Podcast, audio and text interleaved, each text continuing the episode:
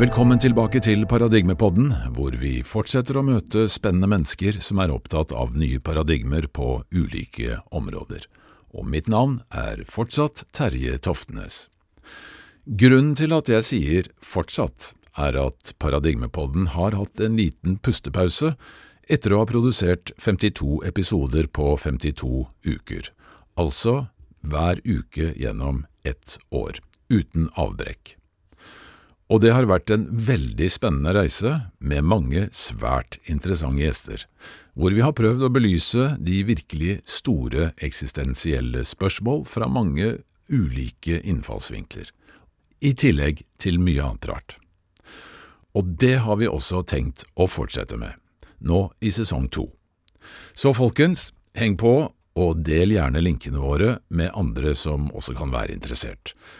Vi ønsker selvsagt å nå ut til så mange som mulig med disse tankene og ideene om dette merkelige, rare, underlige livet som vi alle er en del av her på denne bitte lille planeten i vårt ufattelig enorme univers.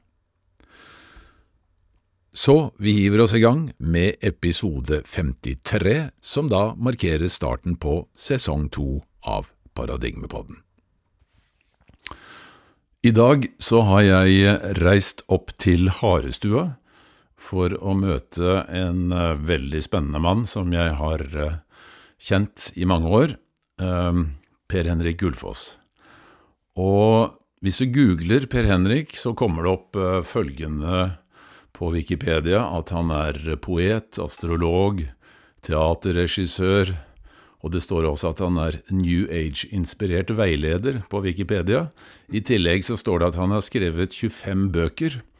Sånn at uh, dette er en mann med både lang fartstid og dype innsikter, og jeg syns det er veldig spennende å møte deg her i dag, Per Henrik.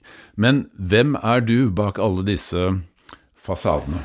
Du, da får jeg si svaret som jeg gjorde når jeg var seks år, og man spurte hvem jeg var. Per Henrik Ulfoss gutt. er, ikke det, det, er ikke det det store spørsmålet som man skal meditere og filosofere over i resten av livet? Hvem er du egentlig, i de fleste spirituelle retninger? Ja, det er sant. Det er sant. Men um, du har jo eh, Fortell litt om eh, skal vi si, din vei da inn i alle disse temaene som eh, blir nevnt opp her. Jeg ble, kom inn i en familie som var veldig ateistisk og ikke hadde noe som helst religiøs legning, så jeg er den eneste i min familie som er gått denne veien. Ja. Da jeg var 23, så fant jeg egentlig livet litt uinteressant, så jeg kjøpte enveisbillett til Mexico. Oi. Og fløy inn dit og hadde, visste ikke hva jeg skulle gjøre. Og da hadde jeg sluppet alt det gamle på en måte, og hadde en del opplevelser som ikke kunne forklares innenfor rammene av den fysiske og materielle virkelighet. Og siden jeg er et logisk menneske og som tar ting på alvor, så begynte jeg å undersøke hva dette var. Og fra det øyeblikket jeg hadde de opplevelsene, så har jeg vært overbevist om at det finnes en større ikke-materiell spirituell virkelighet. Og jeg har vel brukt resten av livet mitt da, til å undersøke hva den egentlig består av. Ikke sant. Og eh, det er det vi skal snakke litt om i dag, da. Ja. Um, men i tillegg til dette så har jo du da, um, sammen med Henning Grini, uh, både drevet et uh, magasin som het Ildsjelen i mange, mange, mange år. Og nå sammen med din uh, kone Brianna så driver du også dette nettmagasinet som heter Mystikk. Um, som har vært veldig og som er veldig spennende initiativer og, og, veldig mye god lesning som ligger der.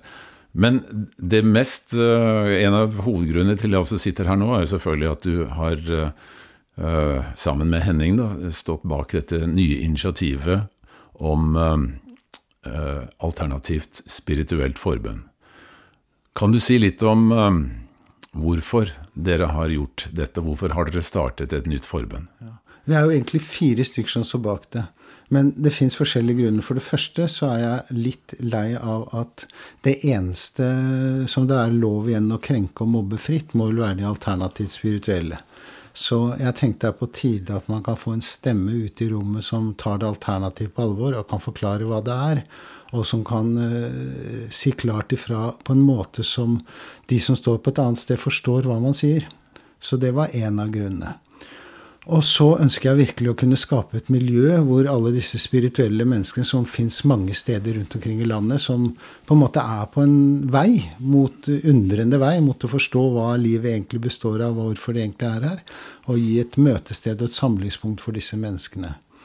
I tillegg til det så tror jeg at mennesket står i en slags krisesituasjon hvor vi med nødvendighet er nødt til å forandre hvem vi er, og skaffe en helt ny forståelse om hvorfor vi er her, og hva vi egentlig gjør på denne planeten. Hvis vi har tenkt å i hvert fall fortsette denne sivilisasjonen. Det kan hende denne sivilisasjonen går til grunne, og man starter på nytt, som har skjedd så mange ganger før. Mm. Men håpet er jo da at vi skal ta til vettet og få litt grann fornuft i mm. våre kollektive skaller, slik at vi begynner å forstå at uh, det finnes en større mening med livet. Og jeg er helt overbevist om at det er nødvendig med en helt annen spirituell forståelse enn den vi har hatt hittil, og den religionen har lært oss, for å få til dette spranget. Ja. Men altså, nå er jo ikke dette uh, nye tanker.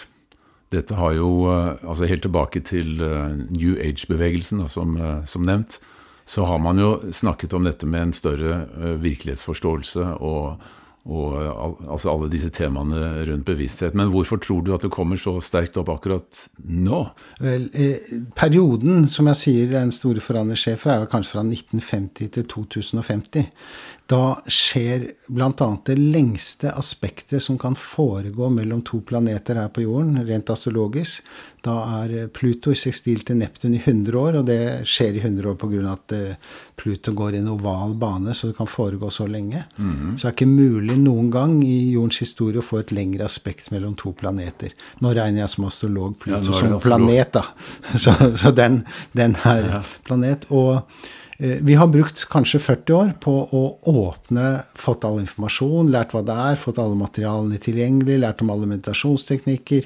Virkelig, virkelig fått åpnet hele feltet. Nå er vel tiden kommet til å begynne å leve i samklang med det vi vet og har tilgang på. Istedenfor bare å åpne sinnet, så må vi begynne å være i samklang med dette universet vi er en mm. del av.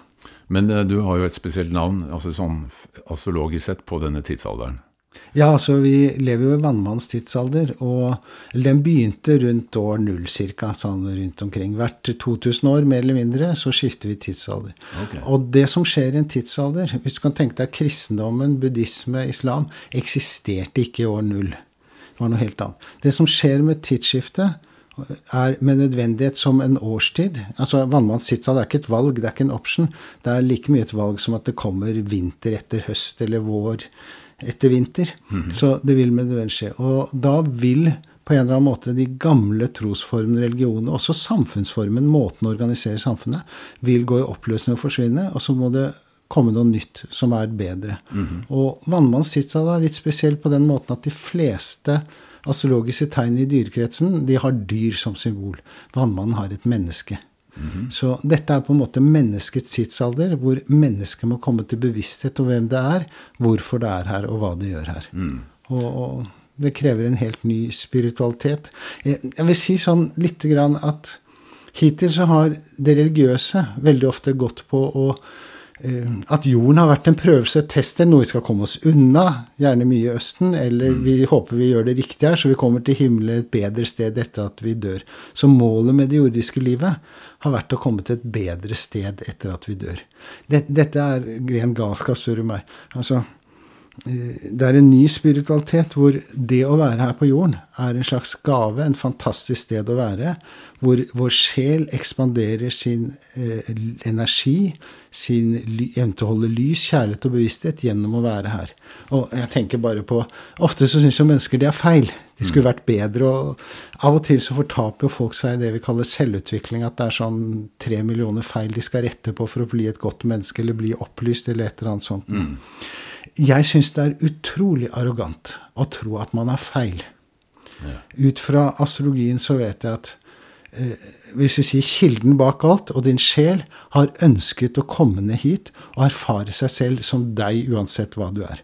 Og si at ditt, ditt lille da, ego, eller hva det er, vet bedre, og dette er feil, det, det, er liksom Da er du i konflikt og mm. har annen mening enn veldig store krefter. i hvert fall. Godt poeng. Absolutt. Ja. Ja. Men altså, vi mennesker, i hvert fall ifølge vitenskapen og arkeologien, har vel vært på denne jorda sånn et sted mellom 200 og 300 000 år. Og ja. du sier også at det har vært eh, sivilisasjoner her før oss.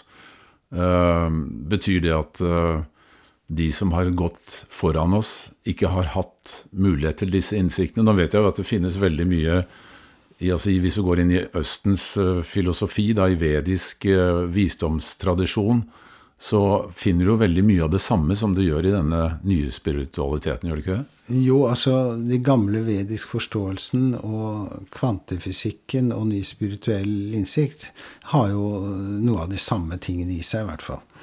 Men eh, hvorfor det gikk ad undas, kan man si, i tidligere sivilisasjoner, det kan jo diskuteres. Men eh, jeg tror også menneskeheten er en prosess. Dvs. Si at vi har ikke vært modne nok til å ta et slikt sprang før nå.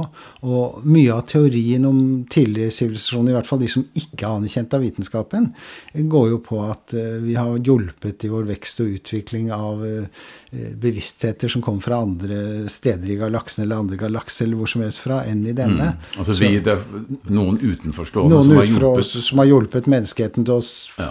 akselerere sin utvikling, komme fortere. og da har det forskjellige grunner eh, ikke fungert. Jeg har min egen teori, som er nærmest min egen personlige erfaring, at Eh, det som vi kaller Atlantis, gikk eh, ad undas pga. at vi ble for mentale og ikke så konsekvensen i praksis av vår mentale bevissthet. Og Lemuria har jeg den opplevelsen av selv at uh, gikk ad undas fordi at vi, vi, skulle erfare oss selv som individer på en ny måte, og det gikk da Da skjønte vi ikke hvor grensene skulle gå for ting som kos og seksualitet og sånn, så det gikk ganske dårlig etter hvert der òg. Mm. Men, men, i moderne tid så kan det jo si at Eh, de sivilisasjonene vi kjenner til, da, som Romerriket, Babylonia, Egypt Grunnen til at de har gått under, er at det har vært klimaendringer som har gjort at sivilisasjonen ikke har klart å brødfø store mengder av folket, og så har folket begynt å forflytte seg, og så har sivilisasjonen gått ad undas.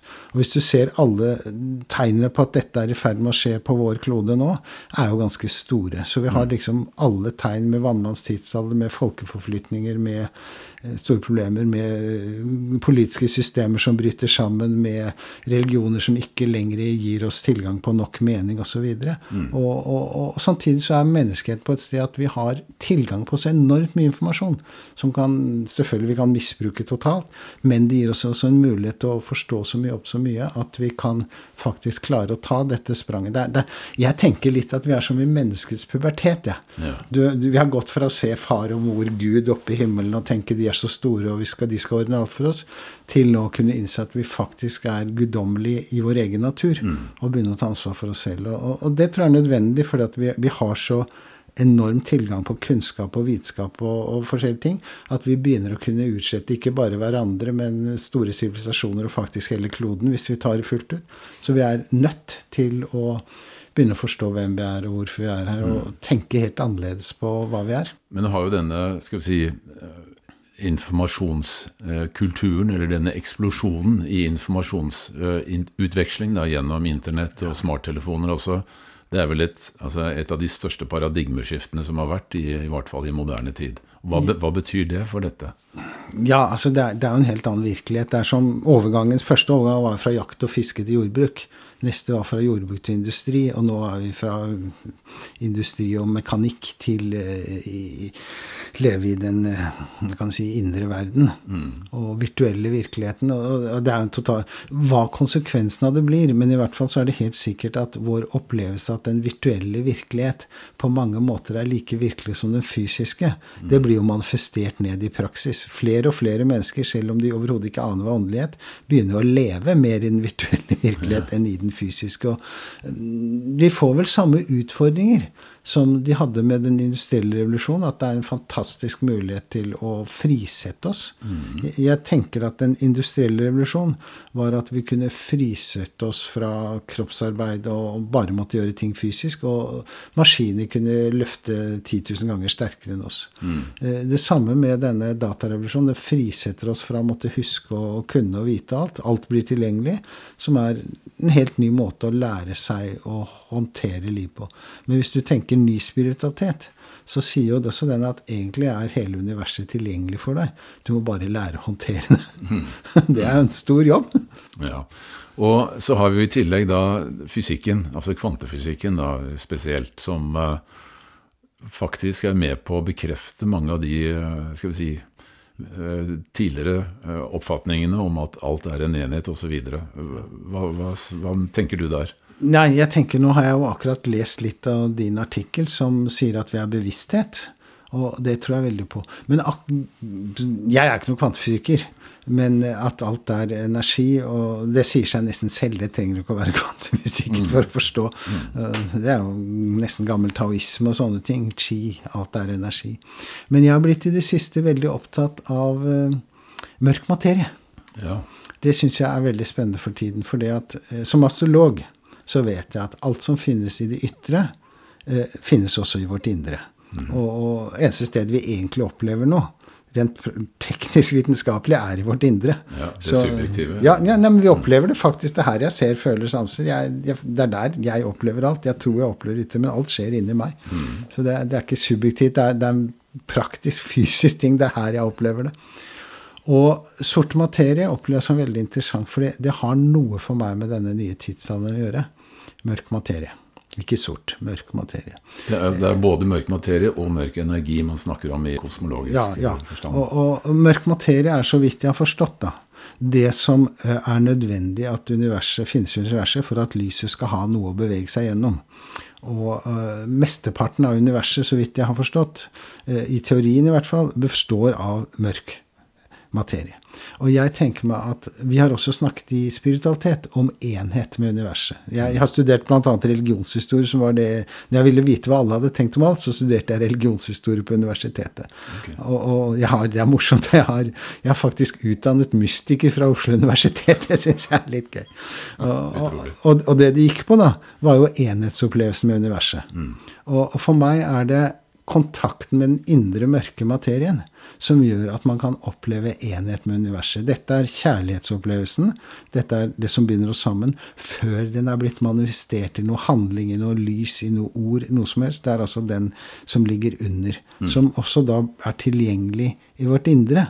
Og, og, for meg var det Det er som jeg hadde mange, mange sånne små eureka-øyeblikk i mitt liv. Og det å virkelig skjønne at den mørke materien var inni meg også, det var et av mine eureka-øyeblikk. da. Mm, mm. Ja, det er fascinerende. Men, eh, men du, tilbake til selve altså, dannelsen av dette forbundet. Altså, Vi har jo allerede i Norge noe som heter Holistisk forbund. Og så vidt jeg vet, så var vel du også med å stifte det? var du ikke det? jo da, jeg husker jeg fikk en gang en telefon fra Henning, som var veldig ivrig. Henning er en veldig ivrig person. Som uh, ville ha meg med til å stifte noe som da skulle hete, ble hetende Holistisk forbund. Og jeg var jo med på det, og jeg skrev til og med vedtektene for det og gjorde noe. Og kunne vel antagelig blitt leder hvis jeg hadde ønsket det, men eh, jeg var ikke så veldig glad i det administrative arbeidet som var nødvendig, så jeg prøvde ikke på det. Nei. Så det ble ikke noe av forskjellige grunner. Men eh, det var jo veldig fint. Men så har jeg, jeg kom til å lese et sted at de Holistisk Forbund hadde ikke noe hadde i sin retningslinje at de ikke var sikre på om mennesket hadde en sjel.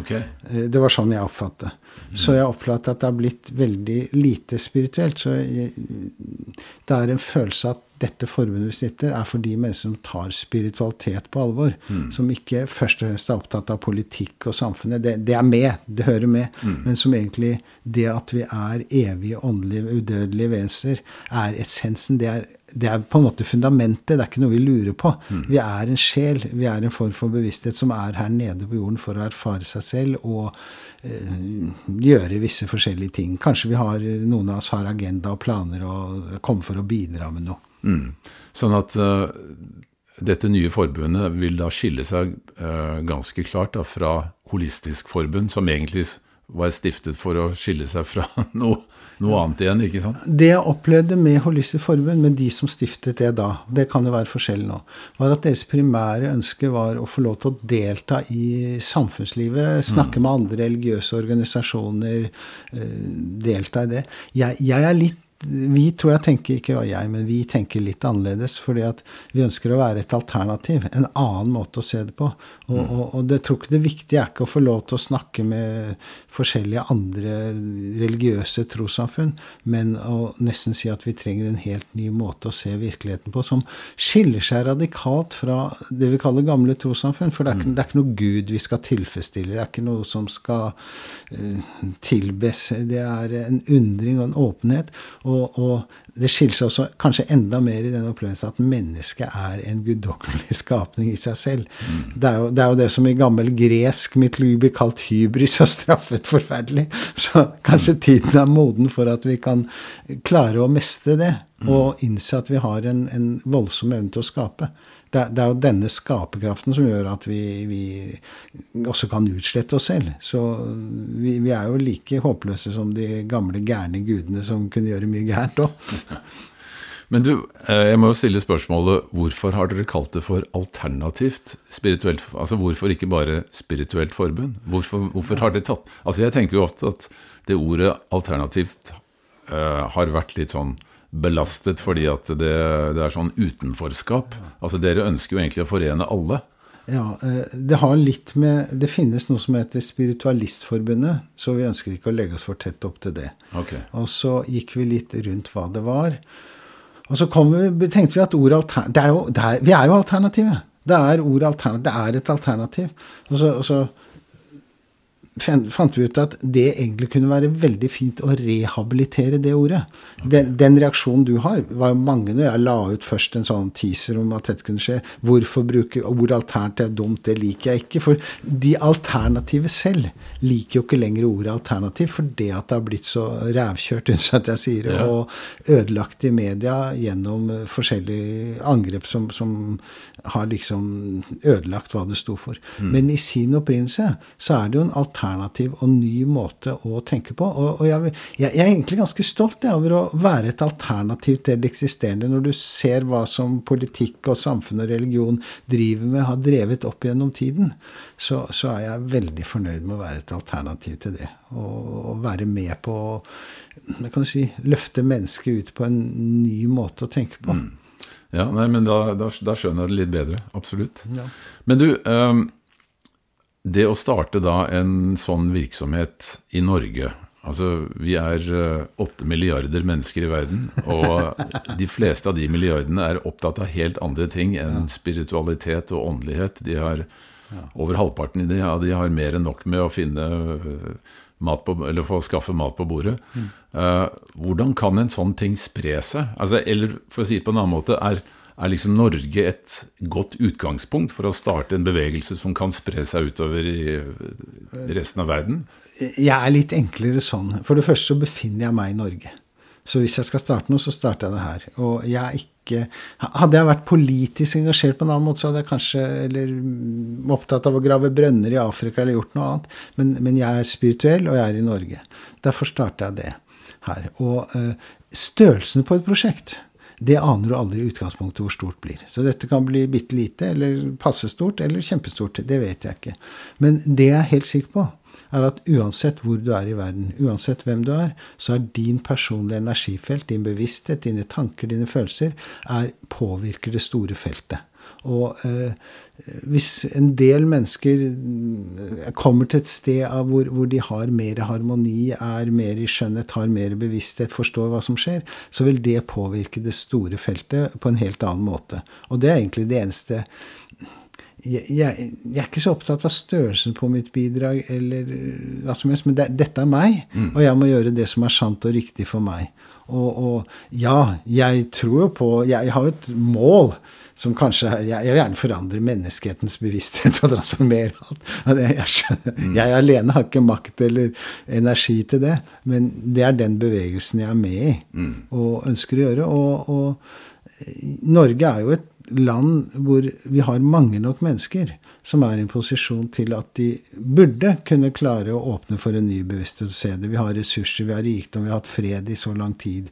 Det er noenlunde I forhold til resten av verden har vi noenlunde likestilling og sånne ting. Mm. Så, så, det er en utgangspunkt som er fantastisk. Og hvis vi i Norge da ikke klarer å få noen ting til å fungere, og klarer å åpne oss for en større bevissthet, så eh, kan vi jo ikke forlange at andre land som har langt større utfordringer enn oss, skulle gjøre det samme. Mm. Nei, altså der er jeg helt enig med deg, fordi at vi har egentlig et, eh, et veldig godt utgangspunkt, kanskje bedre enn noen annen, eh, til å, å, å kunne starte å Eller å få dette til, å få dette til å, bli mer grunnfestet. Og jeg tenker jo, hvis vi går 20 eh, år tilbake, så var jo både du og, og, og Henning og jeg den gangen veldig opptatt av en slags ny profet som het Neil Donald Walsh som skrev disse bøkene, altså uh, 'Conversations with God'. Uh, og uh, både dere og, og, jeg for så vidt inviterte han til å holde seminarer her i Oslo, altså like etter årtusenskiftet.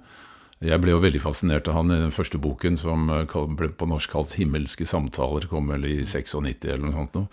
Og da trodde vi jo, og han startet jo dette som kaltes Humanities Team som også da ble Jeg var, jeg var med i, blant annet her i, i, i, Oslo.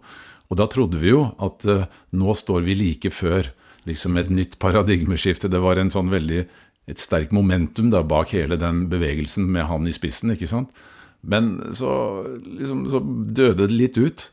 Uh, men du mener altså at er muligheten større nå til å få en sånn skal vi si, ny forståelse til å, å, slå rot i uh, en større andel av, uh, av menneskene, i, ja. først og fremst i dette landet. Da. Nå var nok Henning langt mer opptatt av Walsh enn jeg var. Jeg var ikke spesielt opptatt for det, det han gjorde, som jeg ser det, var å ta den kristne guden mm. og så prøve å gjøre den tilgjengelig og omforme den på en annen måte. Så han, han var, var veldig interessant for de som kom fra en kristen bakgrunn.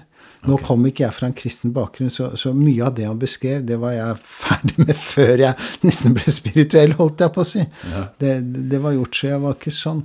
Og, og jeg tror det Og jeg opplever fortsatt at han var sterkt influert av den krist, sin kristne katolske bakgrunn. Mm. Som, som, som, jo trenger jeg, jeg tenker at den nye bevisstheten ikke nødvendigvis er så sterkt influert av én bakgrunn. Den er åpen.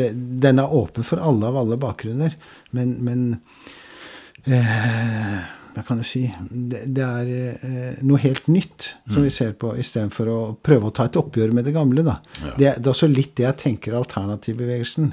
Eh, deler av den syns jeg har blitt fanget noe voldsomt og uheldig i det den er i kamp mot. Mm. Og, og, og, som all, alle som vet litt om universell energi, vet at hvis du kjemper mot noe, så blir det mer av det du kjemper mot. Ja, og, og, da tenker jeg så det, Denne kampen mot alt mulig, mot politikk, mot samfunn, mot system, mot alt mulig. Eh, jeg skal ikke si hva jeg mener om den, men jeg er ikke interessert i den uansett. fordi jeg har ikke lyst til å leve i en slik verden, og jeg tror ikke det fører verden noe videre. Så, så dette forbundet er mer for de som, som ønsker å fokusere på, på, kreativitet, på åpenhet, på nysgjerrighet, på undring og på det å fortsette å søke etter den spirituelle opplevelsen og erkjennelsen, og ekspandere. Mm. Jeg, jeg, tror ikke heller nødvendigvis det er et sånt mål du skal frem til. Nå er jeg, nå er jeg opplyst, nå kan jeg bare sette meg ned med Guds høyre hånd eller i nirvana og sitte her resten av evigheten. Det, det høres litt uskjønt ut, spør du meg. Så, så, jeg tror på en måte Jeg, jeg har mer tro på at universet er evig enn at det har en begynnelse og en start. Mm. Og da er det en evig syklus hvor vi hele tiden er i bevegelse mot noe, noe annet, noe som ekspanderer mm. oss. Men det har jo også vært noe av skal vi si, kritikken da, uh, mot det altså såkalte alternativet. At uh, det, man har liksom blitt satt i en bås med ja, hvor man liksom har fått en merkelapp om at det er mennesker som skal prøve å komme opp i en annen dimensjon eller opp i en annen sfære, eller skal vi si Altså, du har jo alt dette med at du skal meditere deg og liksom Altså ut av egentlig den fysiske hverdagen og inn i noe som er mye større. Fordi at den fysiske hverdagen ikke er bra nok. Det, Og det er jo veldig mange som har reagert på det. Men er, altså når vi først er her på jorda, er, er, ikke da meningen at vi skal være her og leve? Jeg tenker nok litt annerledes på det der med andre dimensjoner. Jeg tenker ikke å komme seg ut av den tredimensjonelle verden og komme opp i en annen. Jeg tenker å hente sin sjels erfaring ned i, her i mitt jeg. jeg. Det er en helt annen måte å tenke på, for her i min spiritualitet, eller vår spiritualitet, så er ikke jeg og sjelen i konflikt. Jeg er ikke en trussel mot sjelen du må bli kvitt. Kroppen er ikke en maskin du må gjøre noe med. Både kropp og jeg er et uttrykk for vår sjels manifestasjon her nede på jorden. Og, og når man snakker om å komme i femte dimensjon, så tenker jeg det er å ha med seg sin fulle sjelelige kontakt mens man er her med et jeg. Mm -hmm. Og da tenker jeg et jeg som rommer vår fulle menneskelighet. Eh, for meg, Buddhismen har litt sånn du skal ikke eie flere enn syv ting, for ellers er tingene deg, og du skal helst ikke føle så mye, og helst ikke tenke, for det er farer. Jeg tror at hvis du ikke kan romme dine følelser, ikke kan romme dine tanker, og ikke kan eie ting, så eier det deg allikevel. Mm. Så, så, det er en helt annen måte å se det på, hvor, hvor, vi kan romme vår fulle menneskelighet uten å være besatt av den. Mm. Og, og, og, jeg tenker jo det, det vi før kalte å være opplyst, da. For meg er det å ha den kontakten med sin sjel som vi har når vi ikke er eh, her i denne fysiske formen som mennesker. Den sjelen har kontakt med enhetene, vet nå hvem vi er. Og Hvis vi kan gjenåpne den kontakten, så vil vi på en måte være litt i en tilstand man før kalte opplyst, men vi vil fortsatt være her. Mm. Så vi vil ha dobbel pakke. Vi vil ha, være her med vår kropp, og vi kan sanse, føle, kjenne ting. Vi kan gråte og le og kose oss uten at det gjør at vi blir separate og atskilt og føler oss uten kontakt med helheten. Mm. Og, og, og, den tror jeg er tilgjengelig, den type opplysthet som jeg snakker om, som er en form for opp, ny bevissthet, den tror jeg er tilgjengelig for veldig mange mennesker i dag pga. den informasjonen, åpningen, energifeltet er videre, masse folk har tid til å tenke seg om, til å se ting erfare. Så jeg tror vi står muligens foran en slags massevekning med Ikke med at man, man nå, nå, nå, ser Gud eller sånt, men masse mennesker som begynner å realisere hvem de egentlig er, mm. og som er i stand til å romme sin fulle menneskelighet. Og også uh, elske sin kropp og, og si det er et fantastisk sted å være her på jorden. Er, det, dette er et fantastisk sted å erfare. og uh, det, det, er min personlige mening, men jeg tenker sjelen på andre siden, den, den, den får ikke erfart ting så grundig som vi får her på jorden. Så det er jo sånn her, For den ser jorden som et enormt sted for mulighet til vekst. Krevende å være her. Ja, vanskelig. Har sine utfordringer. Vi blir sjuke, vi dauer. Det er mye sånt noe. Så, så, det er ikke, er ikke, alltid lett. Ja, det er jo et ganske brutalt sted, egentlig. Sånn, ganske brutalt for sjelen. Og, og, forutsetningen for å komme hit er at vi må glemme hvem, hvem vi egentlig er, og, og, miste noe av denne kontakten med enheten som vi har. Mm. Men samtidig er det denne prosessen å gjenvinne å være her og lære som, som gjør at sjelen sin evne til å holde lys kjærlighet og bevissthet ekspanderer noe voldsomt. Og mm. det er kanskje også en annen måte å tenke på som vi tenker i vårt forbund, og i hvert fall jeg privat tenker sånn, og tror de tenker, det er at sjelen er ikke en ferdig størrelse. Sjelen er også en form for bevissthet, tilstedeværelse, som rommer mer enn mitt lille jeg. Mm. som er i vekst og utvikling og transformasjon. Mm. Altså, jeg, Nå har du egentlig svart på mitt neste spørsmål. fordi jeg tenkte jeg skulle spørre deg altså, hva er konseptet? Altså Hvis du skal se på hele både det sjelelige, det fysiske, eller sånn, det bevissthetsmessige, da, som et, at det ligger et bakenforliggende konsept her. Hvordan vil du beskrive det, både med det fysiske og det ikke-fysiske? Hvordan, hvordan, ser du det for deg? Vel, eh, vi har jo ofte tenkt at Gud, det guddommelige, finnes i himmelen på et annet sted langt utenfor, mens det fysiske er liksom sånn litt treigere og kjedeligere, og vi er fanget i materien, og det er sånn. Eh, hvis det finnes én kilde, én kraft bak alt, så er denne kraften også manifestert i det fysiske, og like mye i det fysiske som i det, det ikke-fysiske, det som finnes på andre vibrasjoner og frekvenser enn det fysiske. Så eh, jeg vil jo si det fysiske er det hellige eller kilden, guddommelig, hvilket ord du vil bruke, som beveger seg så langsomt at vi kan ta og føle og smake på det. Og det er en fantastisk ting å erfare. Mm. Og, og, og, dermed så blir det en stor gave å erfare seg selv. Og, og, kanskje for meg spesielt i møte med andre mennesker. Jeg kan liksom se det guddommelige i andres øyne, samtidig som det ikke er meg. Og jeg kan møte og jeg kan gjenkjenne de, og jeg kan berøre de fysisk. Jeg kan utveksle bevissthet med de, jeg kan føle dyp kjærlighet til de. Altså dette møte med, med miraklet, at det finnes uh, bevisstheter som er uh, har bevissthet, mm. som eksisterer. Sånn. Det, det syns jeg er fantastisk. Og det å oppleve det her såpass langsomt og, og, grundig som vi gjør på, her på jorden. Og så er det jo det er også det vi lærer På den andre siden så tror jeg det er sånn at hva vi tenker, hva vi føler, det skjer øyeblikkelig. Så vi er et sted som stemmer vår eget vibrasjon. Hvis vi føler noe her, så, tar, så blir det manifestert. La oss si du har, du har lyst til å gjøre noe som ikke er så lurt, og så blir det manifestert. Og så begynner vi virkelig å forstå konsekvensen av våre egne negative tanker, følelser og handlinger. Hvordan den er. Og da lærer vi noe om det som gjør at vi eh, når vi kommer på andre steder hvor ting skjer øyeblikkelig, og vi kan komme, når vi er selv, så kommer du unna øyeblikkelig. Så kommer du i en uheldig situasjon, så er du ikke der med ett sekund, så drar du et annet sted. Du må ikke være her. Mens her blir du der, og da lærer du konsekvensen av dine egne negative, blokkerte tanker, følelser og handlinger. Mm. Og, og, det tror jeg er utrolig givende. Jeg, av og til sier jeg, når vi snakker om at det er vanskelig, sier jeg man skal være veldig avansert før man bare klarer å lære gjennom det som er eh, konstruktivt og det som er positivt, og bare se muligheter, og ikke trenger noen nedturer og motstand mm. og blokkeringer. For det, mm, det, det er som i Norge i dag, da. Eh, nå har vi hatt nok mat, nok penger, hatt en voldsom overflod egentlig i 50 år. Mm. Verdsetter vi den? Eh, er vi fornøyd med den? Ser vi verdien av den? Nei. Det, vi kan risikere at vi må bli litt mer fattige og sultne og ha det dårlig igjen før vi virkelig begynner å verdsette det vi har. Mm. Mm. Ja, det kan virke sånn.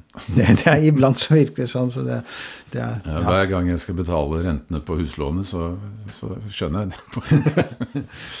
Men du, uh, hvordan ser du det, sånn, det konseptuelle da på den såkalte andre siden? Hvordan ser det ut der? Uh, nå er det jo en stund siden jeg har vært der selv. Så jeg må ta hva jeg husker, og hva jeg har erfart i møte med andre. Men uh, du har jo noe som heter Akashi-kronikk, som er et felt hvor alt eksisterer. Og så det nærmeste du kommer på den andre siden. Uh, for meg er ikke det så utrolig forskjellig fra det vi er her. Hvis du tenker deg astralverden, da, en verden hvor vi fortsatt har viss vibrasjon, vi har følelser, vi har energi, så, så kommer kom vi til et sted hvor det er ganske likt dette. Men vi er fullt bevisst at vi er i enhet med universet. Det, det vi kaller motstand og frykt, forsvinner med en gang. For det, det er det å se lyset. Hva, hva, skal du med det når du vet du er evig, og alt er tatt hånd om på en måte? Det er, noe, det er ikke noe fare for å dø eller sånne ting.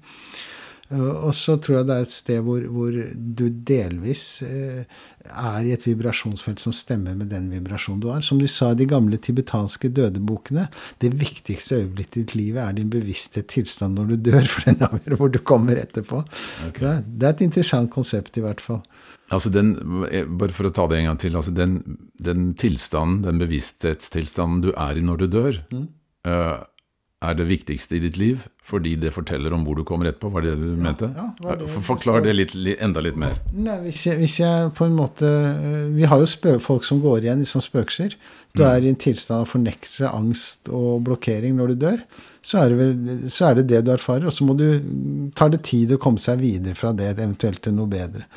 Hvis du, hvis du tror du, dine gamle, din, det du kjenner, vil komme og møte deg, og Kristus vil komme med jubel, eller et eller annet, så vil du jo møte noe av det der, og så vil du gå derfra videre til å, å lære mer om hvordan det egentlig er. Mm. Så, det, så, det, du sier, altså at den, det du tror på i dødsøyeblikket, på en måte vil manifestere seg en, etter at du har passert uh, ja, over terskelen? Er det ikke sånn det alltid er? Nå snakker jeg ikke om det jeg tror på, jeg snakker om den bevisste tilstanden jeg er i. Ja, tror okay. på er noe annet. Jeg, jeg, kan tro på himmelen, men så er jeg i en bevissthetstilstand hvor jeg egentlig regner med å komme til helvete. Mm -hmm.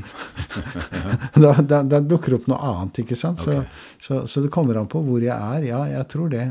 I hvert fall det, det er det de sa i den tibetanske Eh, dødeboken. Min mm. erfaring med døden er jo at det stemmer noenlunde brukbart. Men det åpner seg alltid et lys, en mulighet for andre ting. Mm. Så du kan se ting. Men jeg tror som sagt at vi da eh, kommer dit vi forestiller, og så jobber vi vibrasjonelt med det som er på vår frekvens. Og jo mer lys, kjærlighet og, og bevissthet vi har, jo høyere frekvens vil du jobbe med eller være på på den andre siden. Mm. Og, og, da har du du kan tenke at du har sjeler som møtes, og, og noen, noen, har en høyere frekvens og kanskje forklarer andre eller åpner energidører for andre og sånn. Så eh, litt, litt, som du har lærere og guruer her nede på denne planeten. Mm. Ja, nei, du, det er kjempespennende. um, vi vet vel egentlig ikke helt hva det er før vi er tilbake, for å si det sånn? Nei, vi har, ofte, vi har jo vært der De fleste av oss har vært der mange ganger, så det finnes et sted i vår hukommelse, ja. de, de, tingene der. Og altså, jeg Når jeg ble spirituell, så, så, for å kunne godta i det hele tatt å være spirituell, så var jeg nødt til å ta med reinkarnasjon i konseptet. For med den forståelsen jeg hadde da, å tenke på at alle hadde ett liv, og så var det livet så grovt forskjellig og urettferdig og elendig for noen, at det skulle være alt du hadde, og så skulle det være avgjørelse om du skulle bli frelst eller ikke etter det livet, det, det føltes så urimelig at det, det nekter jeg å være med på. Da vil jeg heller være ateist enn å være med på noe sånt. Det, det, har jeg alltid tenkt. hvis Jeg skulle, jeg vil heller komme til helvete enn, enn å selge sjela mi for å komme til himmelen himmelen, holdt jeg på å si tidlig. Men, men uh, uh, Ja. Men uh, nå er det jo sånn i vårt opplyste, moderne Norge, hvor vitenskapen skal vi si, har definert hvordan virkeligheten er, og de aller fleste mennesker er veldig De, de, de tror på, på, på, den skal vi si, modellen, ikke sant? Det er en logisk, fornuftig modell basert på utviklingsteori, darwinisme og alt dette her. Men eh, allikevel så går jo altså over halvparten av norske befolkningen i kirka på julaften for å, å få litt åndelig påfyll. Altså øh, Hvorfor trenger vi da eh, kirke, eller i hvert fall den type religion i det hele tatt, hvis vi egentlig uh, kommer fra noe helt annet, eller tilhører en helt annen virkelighet? Vel, uh, essensen Du har sikkert hørt om Maslows behovspyramide, hvor mat og drikke er på bånn. Jeg tror ja. mening med livet er på bånn, jeg.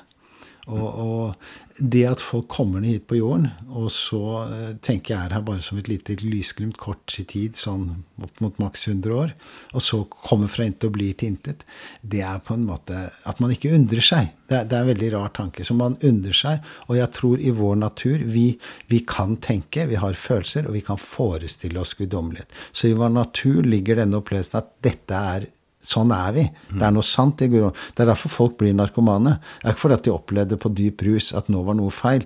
Nei, de opplever at ah, nå er jeg egentlig den jeg er. Den vil jeg gjerne ha mer av. Og så blir de avhengig og går tilbake til det, og det virker ikke. Mm. Men, men, dette med mening er så viktig. Og, og på forskjellige stadier av utvikling så kan det jo hende sånn, sånn På et stadium, et lite barn, en treåring, som skal ha mening med livet, så er det jo fint å si til treeren ja, men pappa ordner opp for deg, han hvis det skjer noe. Kommer noen bøller, så ordner pappa opp, og så kan du gjøre det. Bortsett fra at kristendommen ville jeg jo anmeldt til det guddommelige barnevern hvis det var mulig. For det er en far som sier til sine barn jo, jeg, jeg er født deg, og jeg elsker deg overalt, og jeg gir deg fri vilje til å gjøre hva du vil, men hvis du ikke gjør som jeg sier, så skal du lide i all evighet. altså fratatt all foreldrerett, ville jeg sagt med en gang. Så det, det, det er jo forferdelig. Men, men, vi har programmer. Vi har lært opp i systemet, vi mennesker. Vi i, når vi føder, så kommer vi inn i et system som allerede er etablert. Og da får vi inn de programmene som er. Og, og, de programmene har vært veldig mye kristendom de siste par tusen årene. I hvert fall i Europa og mm. store deler av verden. Så det føles trygt, det føles kjent. å være et program som sier Jeg vet ikke om folk går så mye i kirken for å få åndelig påfyll. Jeg tror de går i kirken av det er hyggelig, det er tradisjon, det er vane. Kanskje det er noe. Mm. Kanskje vi skal sikre oss litt i tilfelle det er noe. Mange muligheter. Og så får man jo god julestemning. Ja, ja. Og julestemning og litt følelse av det hellige. Det, de som ikke går i kirken, går kanskje i naturen. For det, det er jo det som for meg gjør at nordmenn er et ganske sunt folkeslag på noen måter, er at vår kirke ofte er naturen. Ja. Vi har opplevd det hellige folk har det de kaller sublime øyeblikk i naturen. De, det, det, er ikke noe problem for en ateistisk nordmenn å stå på kanten av et eller annet klippe eller se utover fjell og føle at jeg blir overmannet av dette mektige som er større enn noe annet, og det åpner seg noe hellig i møte med naturen. Mm. Så, så, så, så de, vi, vi, nærmer oss ofte en spiritualitet gjennom naturen. da. Mm. Men jeg tror jo det at den gamle spiritualitet, som jeg sa, vannmanns tidsalder, mer og mer har utspilt sin rolle. Mm. Og, og, og, det er vel også av gammel vane så følger man gamle tradisjoner til man tar et bevisst valg om å skifte til noe annet. Det, det er jo mange mennesker når har nye, vi har lagd dette nye samfunnet nå. Så, og mellomøte av statskirken, nei, nei, det er jo trygt. Hva, må jeg det for å komme ut? Mm. Det, dette, selv om det ikke, ikke, har noe særlig forhold til det troende, så, så er det et system de føler seg trygge i. Så det kan ta litt tid. Og det er jo også når for så vidt kristendommen kom, så kom det jo med et helt nytt konsept om at mennesket egentlig er et kjærligvesen og er guddommelig. Og det var et fint nytt konsept. Det var he hele den guddommelige planen med kristendommen var at før det så drev menneskene med veldig mye ofring. Og drev på og handla med gudene noe voldsomt. Mm. Så du fikk et nytt konsept. Det, det, Jesus egentlig sier og vil, er å si nå har jeg gjort en siste offerhandling. Det er ideen. Så nå kan dere slippe alt det andre ofringen. Mm. Nå, nå, nå, skal vi prøve å lage et drama, et teater, som gjør slutt på det gamle, og får noe ny, og sier alle, alle kan være spirituelle. Og alle, alle har noe guddommelig i seg, istedenfor at vi er av leire eller tre eller et eller annet sånt. Mm. Og, og, Altså, eh, jeg har jo tidligere snakket med Helge Hognestad, ja. som skrev boken at uh, Jesus døde ikke for våre synder. Nei. Han uh, kom for å opplyse oss istedenfor. Yes. Er du enig i det? Ja, absolutt. Jeg tror når det sies at Jesus sier 'jeg er veien, sannheten og livet', så driver jo folk på og tenker det er han de skal tro på. Jeg mindre tenker at jeg Vårt jeg er meningen, sannheten og livet. Mm. Så det å ha et jeg, det å ha et spirituelt jeg og, og, på den tiden, når man snakker om at Jesus sa 'jeg er Guds sønn' mm. Eh, for det første så var det maskulint samfunn, så du kunne ikke si du er Guds datter eller Gud. Det gikk ikke an. Han måtte følge litt i systemet og snakke på et språk datidens mennesker forsto. Mm. Men det var ikke alle sa det. Veldig mange sa det at de var Guds sønn. Så det betydde bare man, man var Eh, kommet ut egentlig av den energien som er kilden til alt. Man er, kommer ut som et gnist av det. da. Jeg, jeg tenker det mer sånn. Det finnes en kilde. Mm. Bevissthet eller energi. Og min sjel er som en gnist i den kilden. Det er min aller, aller første opplevelse som jeg kan huske, er meg selv som en gnist av lys alene i et mørkt univers. Og det var en følelse av frihet, det var en følelse av tilstedeværelse, det var en følelse av total nytelse å være denne gnisten, men den var nysgjerrig. Så den begynte å bli tiltrukket og finne seg forskjellige steder å undersøke. Fantastisk. Du, eh, er, eh, du er jo også astrolog. Ja. Og jeg tenkte vi også må snakke litt om det. Fordi eh, Altså, jeg opplevde da jeg var 30 år, så fikk jeg stilt mitt horoskop. Mm. Og det var en, eh, en, kjent astrolog i Sverige som kom til Norge av og til. Og jeg hadde bare sendt han mine fødselsdata, altså hvor jeg, geografisk sett hvor jeg var født. Jeg var født i Mandal klokka ett midt på dagen den 15. juni 1950. Det var de fire liksom, faktaene han visste. Mm. Og så kom han til Norge, og så satt jeg meg ned med han, satt på en kassett, og så fortalte han meg hvem jeg var, og om mitt liv, og hvordan mine potensialer var. Og jeg var helt blåst av banen. For det var altså som å sitte og høre en som hadde kjent meg i mange, mange, mange år. Hvordan er dette mulig? Vel, du har fått med deg en reisehåndbok for livet det er ditt horoskop, som er eh, eh, Når du først blir født og trekker ditt første åndedrag og knipper navlesengen, så tar du inn denne verdens energi. Så det er ditt energifelt som du går gjennom verden med. Du er jo ikke bare denne personen, du er, men du er den i dette livet. Så er det den. Og så har du sjel som ligger bak, som er litt mer enn astrologi. Så, så, det er en absurd ting å ikke lese sitt horoskop. For det er, dersom jeg har med en reisehåndbok for livet dersom jeg skal mm. montere en veldig komplisert sak. For vi mennesker pleier å gjøre oss selv kompliserte. Ja. Og, så, og, så, leser jeg ikke i guiden for å håndtere det i det mm. hele tatt. Men det som var så, øh, som jeg bare må tilføye, da, at øh, altså, dette ble jo tatt opp på kassett. da. Dette var i 1980. Ja, ja. Og eh, nå hørte jeg på den, altså 43 år senere, hvor han da beskrev hva som var sannsynlig, skal vi si, uh, veien i mitt liv. Og det mm. stemte altså sånn nesten helt på en prikk. Så, men igjen, uh, hvordan kan da tidspunkt og geografisk plassering liksom være med å bestemme personligheten din. Jeg skjønner ikke den koblingen der. Det er ditt energifelt. Du har valgt. Det er ikke tilfeldighet at du er født på et sted og en tid. Så du har valgt det, og da har verden en vibrasjon på den tiden, det stedet du blir født, som du tar med deg. Og så har du selvfølgelig din sjel Jeg kan jo ikke si fra horoskopet om du kommer til å bli en opplyst mester eller en massemorder. Det ligger ikke i horoskopet. Så potensialet ligger der.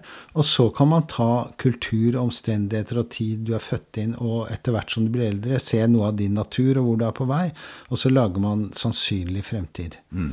Men, men eh, jeg, altså i begynnelsen så var astrologi brukt veldig mye til å spå eh, hvor, når man skulle bli konger, og når man skulle gå krig, og når man skulle høste og så, og bestå, spå ytre hendelser. Mm. For i en verden hvor, hvor vi ikke er så veldig bevisste, så kan du, da er vi mer som biljardkuler, og da kan du spå eksakte hendelser. Mm. Så i løpet av 1900-tallet så kom det veldig masse, kom psykologi inn som et fag i mennesker, med Freud og Jung og mange sånne som forandret menneskets forståelse av seg selv. Psykologien voldsomt. Ja. Og, og, da begynte astrologien også å bli et psykologisk redskap til å finne ut hvordan du fungerte, og hva som var feil, og hvilke Da kan vi se alle dine nevroser og alle de tingene, og hva som ikke fungerer, og forholdet ditt til mor og far og alt sånt. Det ligger i horoskop, for det ligger i energifeltet. Så, så, jeg drev mye med den astrologien. Mm. Kanskje på 1900-tallet og litt sånn. Nå har, jeg egentlig begynt med en helt annen astrologi. Fordi at For meg, se på dette bildet og finn syv feil. Mm. Finn hva som er gærent med dette mennesket, er ikke så interessant lenger. Hvis, hvis, du leser en tradisjonell astrologibok om tegnet, så vil du ofte finne hvordan de er dysfunksjonelle, mer enn hva som er hensikten med dem. Og, og jeg er mye mer opptatt av akkurat som med dette forbundet, da.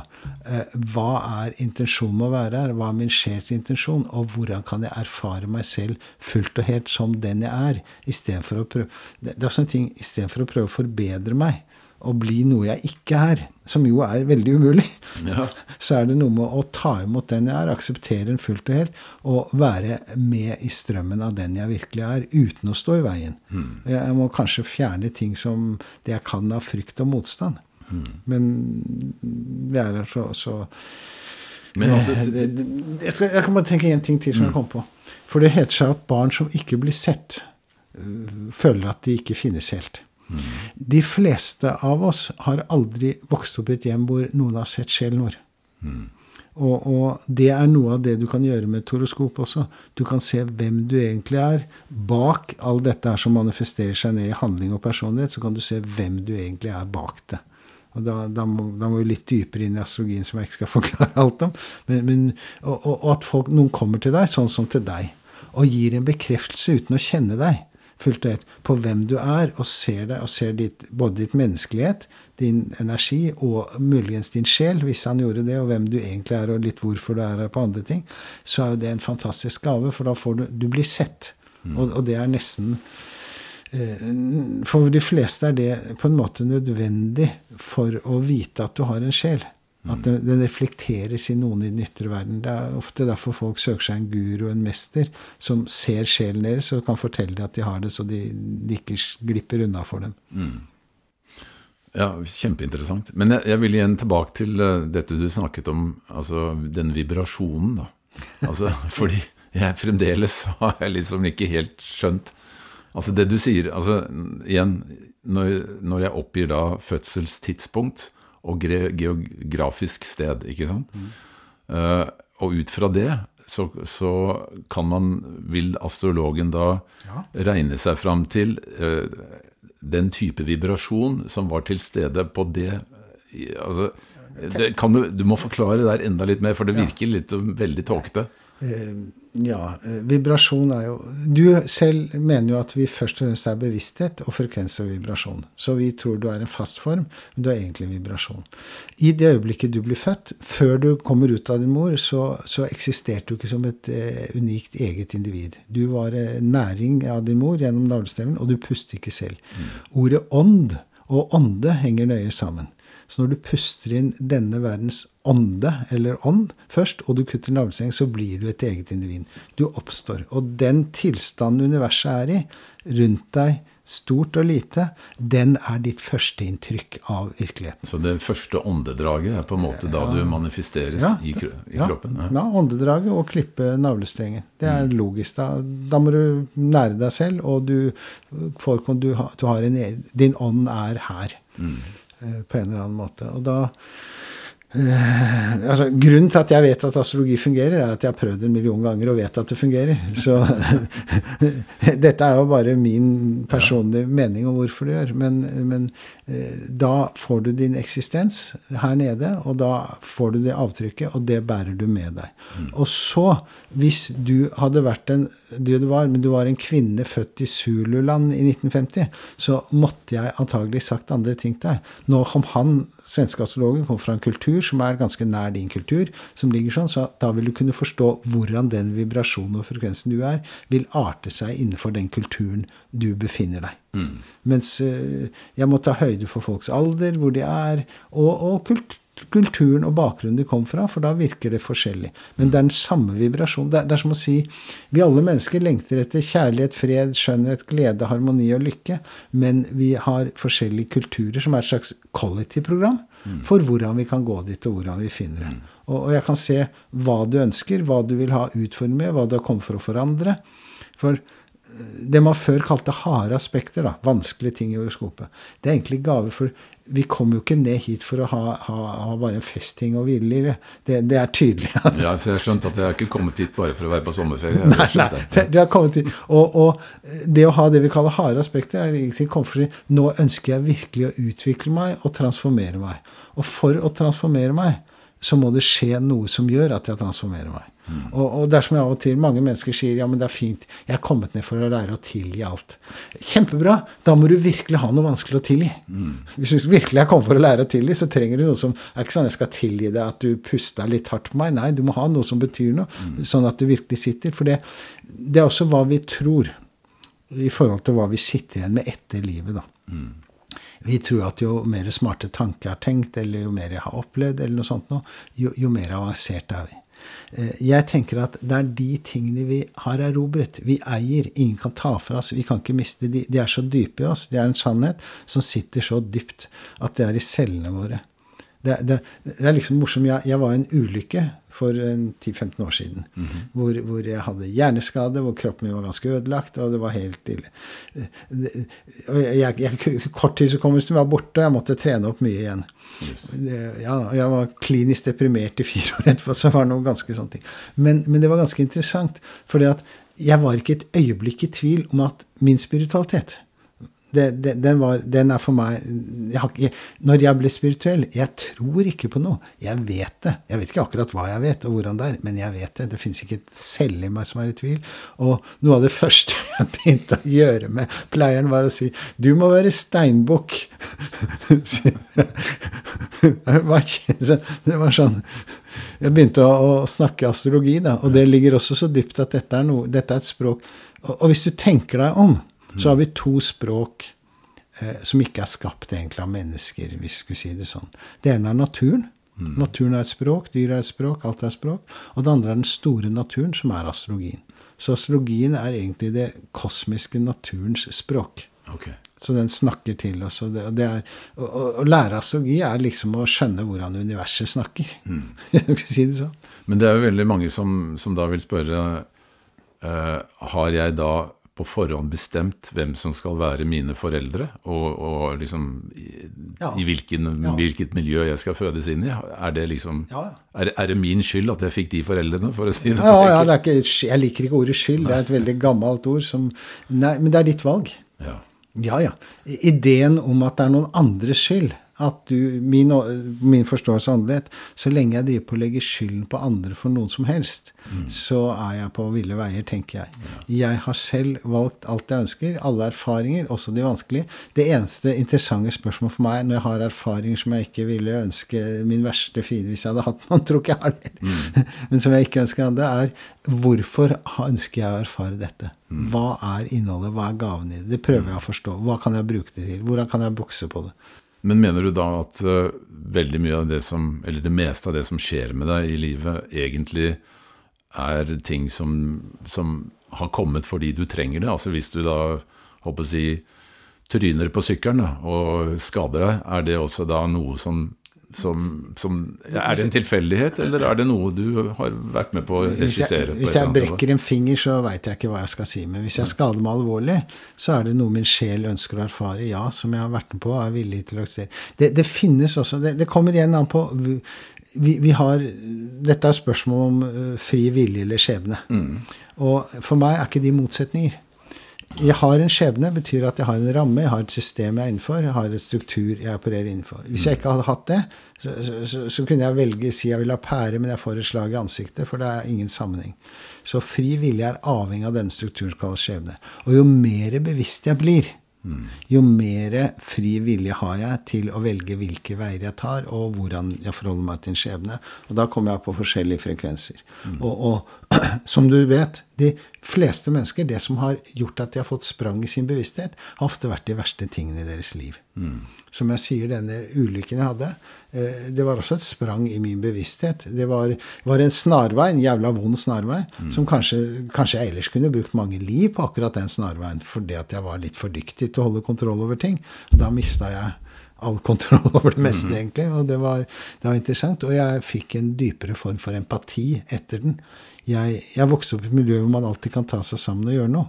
Mm. Og, og, jeg tror ikke jeg hadde en helt dyp forståelse av folk som ikke kan ta seg sammen. Mm. Jeg, jeg, skjønte plutselig at for å eh, forandre seg, så må du ha et sted å stå. Mm. Og hvis du ikke har noe sted å stå, så er det ikke umulig å gå til noe annet sted, for å si det sånn. Så jeg, jeg, og da fikk jeg en helt annen type empati med, med, med de som på en måte mm. Ja, vår hjelpeløshet, da, for ja. å si det sånn. Og, men når det gjelder da f.eks. mennesker som du uh, knytter deg sterkt til i livet, og ikke minst da ektefeller og barn, er det også en del av uh, regien? Altså fra et sjelelig ståsted? Ja, det, det, jeg er med på det. Det er vel De fleste, så å si alle som jeg møter, som jeg har uh, større kontakt med, er for meg eh, skikkelser og sjeler som jeg har eh, hatt prosesser med før og møtt. Det man kaller karma eller dharma eller forskjellige ting. Hvor, hvor, hvor, jeg møter folk som har kjent det på en eller annen måte. Og, for meg kan det være veldig gamle kjente. Mm. Kjente som er kjent for mange, mange tusen år siden, egentlig, som dukker opp. Og det kan være andre ting. Og, og så er det jo også Det kan også komme inn skikkelser som jeg ikke har så stor forhold til eller kontakt med, for at kontaktflaten kan være stor. Men, men, eh, de som virkelig berører meg og går dypt, og som jeg forholder meg til, har alle en eller annen hensikt med at de er der og mm. ting. Så det, det, er ikke ukjente. Det er La oss si jeg, jeg, jeg er ikke første gang jeg er på jorden. Jeg har vært det, en del ganger før, og det vil mm. si at de fleste som kommer, har mye, mye, mye, mye ting jeg har gjort før, som kommer tilbake. Mm. Men, men, eh, betyr det da at du, selv når du dør, altså at du beholder eh, personlighetskarakteristikkene altså dine, slik at, du, at neste gang du fødes, så er du fremdeles Per Henrik, men bare da i en annen eh, avatar, for å si det sånn? La oss si når jeg dør, så vil det jeg beholder mest, være mest den erfaringen jeg har i livet. Da blir også, nå har Jeg, jeg har skrevet en bok blant annet, hvor 27 eller sånt av mine tidligere liv. Okay. Så når jeg dør, så, så, så, vil det som er nærmest meg, være formen og noe av det som er gjenkjennelig fra dette livet. Men erfaringen min fra de andre livene blir også tilgjengelig. Mm. Men det blir som, de andre livene blir som, som La oss si som jeg blir eldre. Nå er jeg eldre. Men jeg har fortsatt med meg den jeg var når jeg var tre, og når jeg var fem, og når jeg var 15 og 25. De andre livene er som de jeg var før. Men dermed så vil jeg kanskje mest fremtre som det siste livet. Mm. Men når jeg kommer ned hit, så vil jeg ha med meg summen total av alt jeg har erfart. Hvordan det siste laget er det siste forrige livet. Men jeg vil ha med meg summen totalt. Og så kommer jeg noe helt nytt ukjent. Og da har jeg jo glemt alt dette, når jeg starter i hvert fall. Mm. Det, er, det, er, borte. Sånn at jeg for du skal, du skal oppleve dette livet som en slags ferskvare, ikke sant? For ja. Ja. Altså hadde jeg hadde jeg hatt meg Det er som du sier, hadde, hadde, jeg vært 14 og visst det jeg vet nå, så hadde jeg vært livsfarlig. Holdt jeg på å si. I hvert fall for damene. det er ikke sånn. så, så det, det, det, er en grunn til at man, man eh, glemmer det man har vært. For det, mm. det, er også en gave, for det gjør at jeg kan erfare det nytt og friskt. Ja. Og, og, og, det er en viss usikkerhet i hele. Altså, jeg er her nede i et system som er i stadig forandring. Selve systemet, samfunnet er forandring. Energi, det hele energimønsteret er forandring. Og så er det masse individer. Jo mer individer som blir uberegnelige og du ikke vet hva å finne på, mm. jo mer kommer tilfeldigheter inn. Mm. Men det skjer ikke noen store saker uten at det er akseptert in accordance med din sjel. Mm. Ditt jeg aner ikke noe om det og sier 'hvordan i huleste kunne min sjel finne på å utsette meg for det der'? Mm. Min stemme ble ikke hørt pokker heller. Mm. Men, men min, jo mer jeg har kommet, så er, jeg veldig klar over at min sjel har alltid en eh, godtatt, akseptert, eller et ønske om å erfare dette her, for det at det er et bidrag til dens evne til å holde mer i kjærlighet, energi og bevissthet, som er det sjelen for meg driver med. Jeg hadde for noen år siden en bekjent som uh, fikk en dødelig kreftsykdom. Uh, ja. Og uh, da vedkommende var, sto med den ene foten i graven, så husker jeg at hun sa For hun hadde også vært veldig opptatt av skal vi si, spiritualitet og disse, denne tenkningen. Da. Men da var hun så bitter. Hun sa det at Terje, Kom ikke her og påstå at dette helvete er noe som min sjel har ønsket. ikke sant? Men, men, men det, det, kan du jo det, det, er jo der uh, det, Dette er noe jeg sier til deg. Hvis du tar vitenskaps... Sier har små barn ønsket å bli voldtatt, eller videre. Mm. Eh, det er en Nei, jeg kan ikke gå på det. Jeg kan ikke si det på den måten som blir forståelig. For det er en helt annen måte å tenke på. Og i forhold til deres virkelighet og deres måte å tenke på, og, og den bitterheten, så er det ikke sånn. For jeg har ikke noe med det å gjøre. Men hvis du tenker at det er en større bakgrunn det, det, Du må liksom Vitenskapen starter et sted at det er en fysisk verden, og så er det feil. Du, hvis du skal få det virkelig, så må du starte et annet sted. Du har to muligheter. ikke sant? Den er uendelig, den er, mm. den er evig. Og så må du starte med aksepten at det finnes da en Hvis det finnes en spirituell virkelighet, en annen dimensjon, så må du tenke hvordan det er. Mm. Og, og, og, da Altså enhver vite, Hva kan jeg si Det eneste jeg syns er mindre logisk enn å tenke at en eldre hvit mann med skjegg har skapt virkeligheten, er at den har oppstått som en tilfeldighet i en ren fysisk eksistens. Mm. Det, er, det, er, det, er, så absurd uh, umulig. Mm. Jeg kan få sagt det. Vi, vi, har følelser, vi har tanker, vi kan forestille Hvor skulle dette komme fra hvis det ikke var noe det kom ut av? Det er akkurat som det er samme som gjelder på det andre som materien. Materien kommer ut av noe. Og vår indre verden, vår forestilling om at vi er, vi er spirituelle, vi er evige, guddommelige, den må jo komme fra et sted. Mm. Og så, For meg er det ikke noe tvil om det. Men da Nei, altså jeg er, jo, jeg er jo selvfølgelig helt enig. Det er jo samme konklusjon jeg har kommet til selv, men nå må jeg bare stille litt sånne typiske spørsmål. Men et spørsmål til. Altså, Hva er egentlig forskjellen på sjel og ego, eller sjel og sinn og ego? Ja, jeg opererer, Da må jeg si først jeg opererer med eh, veldig forskjell på ego og jeg. Mm -hmm. Ego er den delen av mitt jeg som er fanget i motstand, som er blokkert, som er separat, og som er full av frykt og motstand. Det er det jeg kaller ego. Mm. Jeget er den delen av min sjel som er her nede, som er spissen, blyantspissen. Hvis sjelen er blyanten, mm. så er jeget blyantspissen jeg tegner med i dette livet. Så, så, mitt jeg er på en måte et uttrykk foran hvor min sjel manifesterer seg her nede i tid og rom, hvor det må ha en viss form og spissing i sin uttrykk. Den, den må, ha, må, ha, en personlighet, ellers kunne den ikke vært der. Mm. Så den må ha sånn. Og kroppen er på en måte eh, Hva kan jeg si? Det er den Det er eh, sjelens vibrasjonsfelt i form som den bruker til å sanse denne virkeligheten med gjennom de fem sansene våre. Mm. Så, så, for meg er det ikke noe forskjell. Jeget, det jeg kaller jeg og det jeg kaller sjelen, og kroppen er egentlig det samme, bare i forskjellige vibrasjonslag, mm. hvis jeg skulle si det sånn. Men nå er det jo mange sånne tradisjoner som er veldig opptatt av at man skal liksom bli kvitt sitt ego. Ja. Er det viktig? Nei, du skal elske ditt jeg. Jeg tror det hellige ekteskapet er mellom sjelen og jeg. Jeg tror det er et sted vi har gått fullstendig feil. At eh, det er kampen mellom min individualitet og mitt jeg. Nei, min sjel, mener jeg. At de to er i krig. Mm. Det, det, er en polaritet absurd. Eh, sjelen ønsker å erfare seg selv som meg i min individualitet. Så min individualitet er fullstendig i samklang med sjel. Så få de i balanse, slik at mitt jeg ikke gjør noe som er i, ikke er i harmoni med min sjel, om, så, så, fungerer alt helt utmerket. Mm. Hvis, på en eller annen måte, hvis jeg alltid har respekt for det jeg selv gjør, og er sann mot meg selv den jeg egentlig er, da. Ikke mine feilprogrammeringer, men den jeg egentlig er i alle øyeblikker, og handler ut ifra det, så får jeg en kjærlighet til meg selv og respekt for meg selv, og da begynner det å virke på en helt annen måte. Så jeg mener at spesielt Østens religioner, med den ideen om at jeg er en fiende, mm. er, har, har, ødelagt veldig mye. Nesten like mye som Vestens religioner med at jeg er syndig og født feil. Det er, det er mm, ja, gale-Mathias. Gale du, uh, dette her kunne vi sikkert snakket om i et par timer til. Uh, det, det, er veldig spennende. Men uh, jeg tror vi skal prøve å runde av nå. Men kan du si litt om um, hva er da de videre planene med Alternativt spirituelt forbund? Hva, hva vil dere gjøre nå videre? Det vet jeg ikke helt.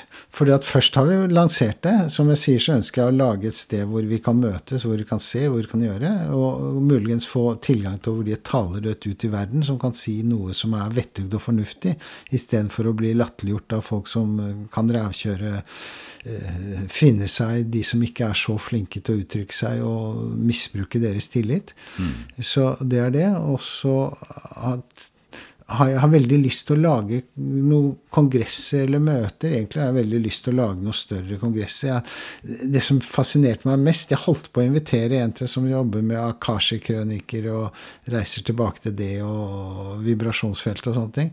Men det, det, var fra Amerika. Det ville koste så mye at jeg må i hvert fall vente til vi har noe statsstøtte ja. før kan, vi eventuelt kan invitere det. Men jeg har lyst til å lage noe, noe kongresser og få ut folk som kan åpne oss for en ny bevissthet, som kan inspirere mm. oss og, og møter men, men det er også hva som vokser ut. Det er jo avhengig Hva vil de som melder seg inn, at skal skje? Og skal gjøres, og hva har de å bidra med, og hvordan kommer de?